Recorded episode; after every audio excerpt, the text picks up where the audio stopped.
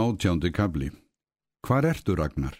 Ragnar, kallaði Gunna Halldórsdóttir inn um dyrnar á skuggalegu vörugeimsluhúsinu. Viltu koma með á þiskling? Við ynga ætlum að fara. Gísur vill ekki vera með. Komdu hinga Gunna, þá skal ég sína þér svo litið skrítið, svaraði Ragnar upp á lofti. Hann var þar að opna rúsinu kassa. Ragnar Samuelsen var orðin stór og stæðilegur piltur átjánara gamal en Gunnanam staðar í miðjum steganum og vildi ekki fara lengra. Hann varð að fara þanga niður til hennar og þegar þau stóðu saman þarna í hálfrökkurinu var þeim síðunum svo léttum mál. Þau voru bæði orðin svo stór, hann hár og herðabreiður, svipmikill og alvarlegur með þunglindisleg augu, hún grönn og björt yfirlitum, ángand af útiloftu og vorgróðri, svipurinn enn barslega mildur og blíður en andlitið og fasið kvenlegt. Þú ert alveg hættur að koma út til okkar, sagði hún að lokum. Ég varðla sé því í vetur eða vor. Þú ert hættur að vera með allu nema gissuri. Hún sög upp í nefið og nýtti til höfðinu. Þú ert orðin svo stór, bætti hún við. En þú vætti nú að geta látið sjá þig fyrir því. Fríða er ofta að spyrja um þig og við setjum enn hjá kvíjánum. Við smölum þeim á mornan og rekum þær svo aftur, alveg eins og í gamla daga, þegar við vorum saman öll og þá var svo gaman. Hún lækkaði allt í einu rómin eins og hún væri að segja honum eitt hvað í trúnaði. Þú, sem ert orðin svo stór, finnst þér þetta ekki skrítið? Þessu svaraði Ragnar engu. Hann var eitthvað svo undarlegur þar sem hann stóð þarna og horfið á hana að henni varð órótt. Um hvað ertu annars að hugsa? Það liggur þó víst ekki illa á þér. Rött hennar myndi í senn á brós og klökkva. Andlit hennar blasti við honum og þau voru þarna alein í skuggsælu vörugeimsluhúsinu. Stakur sólargeisli fjall innum rifu á vegnum ofan við mjölvað gólfið. Lofti var þrungið framandi lykt af alls konar vörum og allt var hljótt, þau heyrðu aðeins báru gjálverið sem barst innum halvopnar dyrnar neðan úr fjörunni. Nei, það likur ekkir dýl á mér, saði Ragnar hæglátlega og rödd hans voru djúb og róleg, en þó ekkert sannfærandi. En hvað þú ert orðin þreytt? Og þar með rak hann í vörðurnar. Það var hún sem var fyrir til að snerta við honum með handlegnum, hún ætlaði bara að hugga hann, hún var svo hrein og bein og hlý í lund, en þessi snerting ungmegarinnar var orsök og upp af alls þess sem á eftir fór. Í næstu andrá hafði hann tekið utanum hanna hún lagði hendurnar um hálsónum, þrýsti sér titrandi að honum og starði á hann eins og heitluð. Þeim fór ekkert meir á milli. Bæði voru þau gagtekinn svimkendri, kynlegri sælu við þessi fyrstu faðmlög. Þau heyrðu rösklegt fótatak á mölinni fyrir utan og sleftu hvort öðru eins og þau hefðu brent sig. Maður kom inn um dyrnar, það var Einar Sölvason. Er þú þarna Ragnar? spurði hann kuldalega. Við býðum eftir rúsínunum drengur. Honu varði litið á þau um leið og hann sagði þetta og það var eins og felmtri breyði fyrir í svipnum á alvarlegu andliti hans. Nú ég get svo sem haldið á kassanum, töytað henni barmsér og hljóp upp stigan. Ragnar og Gunna þókuðu snær hvort öðrum leið og hann fór fram hjá þeim. Hún þrýstu hönd hans og ætlaði að fara, en hann helt aftur af henni, þangað til einar var horfin, þá sagði hann fljótmæltur en stamandi ferða smala í fyrramálið og sama tíma venjulega. Já, hvíslaði hún, við mjölkum klukkan átta en komdu áður, komdu klukkan sex, nei fimm, fjögur, ég skal vera komin á fætu klukkan þrjú. Segju þá klukkan þrjú. Við gamla eigði bæin, en þú minnist ekki á þetta við neitt. Hún hristu höfuðið, svo tókust þau í hendur, þau skulfu af eftirvæntingu bæði tvö. Eftir örstutta stund var hún komin yfir í fjöru til yngu sem helt bátnum við bryggjuna. Gunnar gerði korki að heyra, nýja sjá, bara starði út í bláin með opinn munnin og bjart andlit hennar ljómaða vundurinn og unnaði. Ragnar svaf aðeins eina klukkustund þessa nótt. Hann var vaknaður aftur klukkan tólf og fór á fætur. Hann var alltekinn fagnaðuríkri ákafri ró, helst ekki við í rúmunu lengur. Hann fór eins og leiðlá inn á milli hæðana. Gagsæ slæða, snemsumar næturinnar, sveipaði hæðardrög og mýrar sveitarinnar, hlýtt var í veðri en loftið þó svalt að anda því að sér og þrungið hressandi gróðurilmi. Á hafið sló blásvartri slíkju sem sortnaði eftir því sem vestar dró.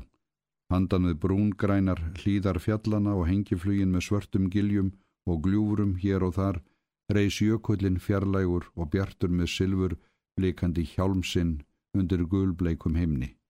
Þetta var á lánætti og allt hljótt, náttúran nöyð sveps og værðar.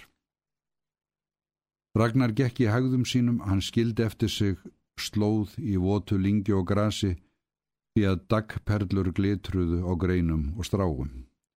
Hann teigaði að sér loftið sem bar gróðurinn menn að vitum hans, hann var orðin háruvexti og gerfilegur líkur móður sinn í sjón og fyrirmannlegur í framkomu eins og hún en skorti rósemi hennar og stillingu, var ákafur í skapi og uppstökkur. Fólki fannst hann líka óþjáll og þóttafullur Hann hefði lítið saman við aðrað sælda. Katanis sískinin hafði jafnan verið bestu leikfélagar hans og hann og Gissur voru enn mjög samrýmdir. Gissur Haldorsson hafði breyst mikið með aldrinum en vináttu hans við faktorssonin og aðdáunin á honum var síst minni enn í gamla daga. Þeir fóru saman á veiðar upp í fjöll og út á sjó, stálu ótemjum upp á heiðu og riðu þeim landin og öræfi. Það fór einstaklega vel á með þeim þótt ólíkir væru. Þeir höfðu alist upp í skauti náttúrunnar og fyldust hennar líf og sál með öllum blæbreyðum hennar. Þeir gáðu gætur að ilmskiptum hennar ímsu ástíða og litbreyðum hafs og fjalla. Breytingarnar í ríki náttúrunnar höfðu djúb áhrif á þá og vöktu þeim ímist sorg eða gleði, dapurleika eða barslegan fögnuð. Báðir voru þeir dölir og fámálir en gissur þó sér í lægi. Ragnar þótti væntun þennan vinsinn eins og væri hann bróður hans og oft hétt hann því með sjálfun sér að þegar þeir væru orðnir stórir og hann erði faktor eftir föður sinn þá skildi hann hjálpa Haldur og Gissuri að komast í efni. Vináttan við Gissur og Gunnu veitti barslegri aðdáan hans á katanisbóndanum fullnægingu en í augum Ragnars var Haldur og myndi ætíð verða mestur allra og honum skildi hann líkjast öllum öðrum fremur. Hann hafði komist höndum yfir blaðið þar sem sagt var frá afreikja Haldurs í hrækningnum og hann geymdi það eins og helgan dóm. Hann las það aftur og aftur, kunni greinina utanað, þar fekk hann staðfest áleitt sjálfsins á haldóri og oft hafði hann dreymt það að hann rataði sjálfur í svipaðar mannraunir. Nú eins og oftar var honum hugsað til haldórs og það gerði hamingju hans raunhæfari. Óljósir, leindir og þókukendir dagdröymar hans um gunnu urðu allt í einu nálægur veruleiki. Þegar þau væri orðin hjón Þá yrði hann í rauninni sonur Haldors og svo tilhugsun jók á gleði hans og gerði hann rólegan og örugan um framtíðina. Þá skildi verða bætt fyrir ránglæti móður hans og allt falla í ljúfa löð. Um leið og honu var þugsa til salvarar vottaði fyrir ótta og óró í huga hans. Hann hefði oft í æsku hyrt ávæning af samræðum foreldra sinna og þar var alltaf eitthvað óskiljanlegt á bakfið, eitthvað sem þau tvö vissu en hann gæti aldrei gert sér ljósa grein fyrir en nú var hann svo frá sér numinn að fögnuði að ekkert annað kom stað. Allt í einu fekk hann ákaman hjartslátt, ung stúlka kom á móti honum inn á milli hæðana. Gat það verið að það væri hún, en brátt sá hann að þetta var fríða í koti. Þau mættust og námu bæði staðar. Hún horfið einkennilega á hann og föllt svipmikið andleitt hennar var allt í einu blóð raukt. Aðtegli Ragnars beindist í sömu svipana því sem hann hafði aldrei gefið gauðum áður. Fríða litla var lagleg, há og þrekin eftir aldri, fullþroska kona. Varir hennar voru dimmröðar, hann leitt niður fyrir sig í dúlinni bligðum þess sem honum datt í hug. Hún var fátæklega til fara í bættu pilsi og þunri sirstreyju og berfætt, hári laust og ógreitt að vanda og bar rapsvart við brúnbleikt hörundið. Þau settust kort á sinn stein og Ragnar fór að spjalla við hanna. Þess var enn langt að býða klukkanir þið þrjú. Satt að segja hafði honum alltaf fallið vel við fríðu, hún hafði jafnan verið góð og eftirlátt þegar þau leku sér saman í æsku og stundum hafði hún gefið honum hitt og þetta sem hún fann í fjörunni, marglit egg og skrítnar fjadrir. Hann hefði þegið þetta allt án þess að hugsa nokkuð út í það hvers vegna hún var að þessu.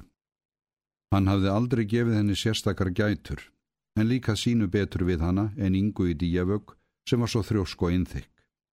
Fríða sagði ekkert fyrst í stað bara horði á hann stórum alvarlegum augum sínum sem blikuðu dimm í skugga dökkra brúnanna. Augnaráðið mynd á hungrað barn og eins og krafðist réttar síns. En hvað þú ert orðin stór, sagði hann brosandi, mér brá bara í brún. Já, þú ert nú líka elst af okkur. En óskubertu seint á fótum. Hann dró upp úr vasa sínum gullúrið sem fadir hans gaf honum í fermingargjöf og síndi henni að það var kortir gengið í tvö. Ég skrappa líti eftir henni gimpu. Hún hefur verið veik í allt vor en nú held ég að henni sé að skána. Við gefum henni mjölkursóp á hverjum degi og mamma segir að ég megi eiga hana ef hún lifir. Gimba? spurði Ragnar tómlátlega. Já, það er lamp frá í vor. Þú hefur víst ekki séð hana, en heyrðu, kondu með mér. Ég sný bara við. Ég er ekki vitund sifjuð. Ég skal sína þér snjótittlingsreiður á leiðinni. Viltu það? Á andliti hennar brá fyrir svip sem skauta Ragnar í skelki bringu. Hann þótti skilja hvað fyrir henni vakti, fekk óljóst hugbóð sem kallaði fram óró og anduð. Fara með honum upp eftir. Var hún ekki með öllum mjalla? Gunna gæti séð til þeirra. Hann spratt á fætur og sett upp svip. Nei, sagði hann, nei, ég er að flýta mér. Ég þarf að skreppa dálítið, vertu sæl. Hann var þóttinn af stað Ég byði að hilsa henni mömmu þinni, kallaði hann um auksl. Hún satt harnar kyrr, álút og sneipuleg og starði á eftir honum uns hann var horfin. Það var eins og dimdi yfir andliti hennar, hippir fóru munvíkin. Hún tárfeldi ekki en augun hennar sortnuðu. Allt í einu flegði hún sér niður af steininum, svifti frá sér treyjunni að framann og þrýsti kvítum búsnum brjóstunum og andlitinu niður í döggvott lingið. Hún fann til sársauka og kulda en svölunar um leið. Hanna langaði að gráta en gata ekki. Ramsætan ilm moldarinnar lagða vitum hennar, hún gróf andliti niður og teigaði hann áfergjulega eins og villidýr, sem þefar upp í bráð.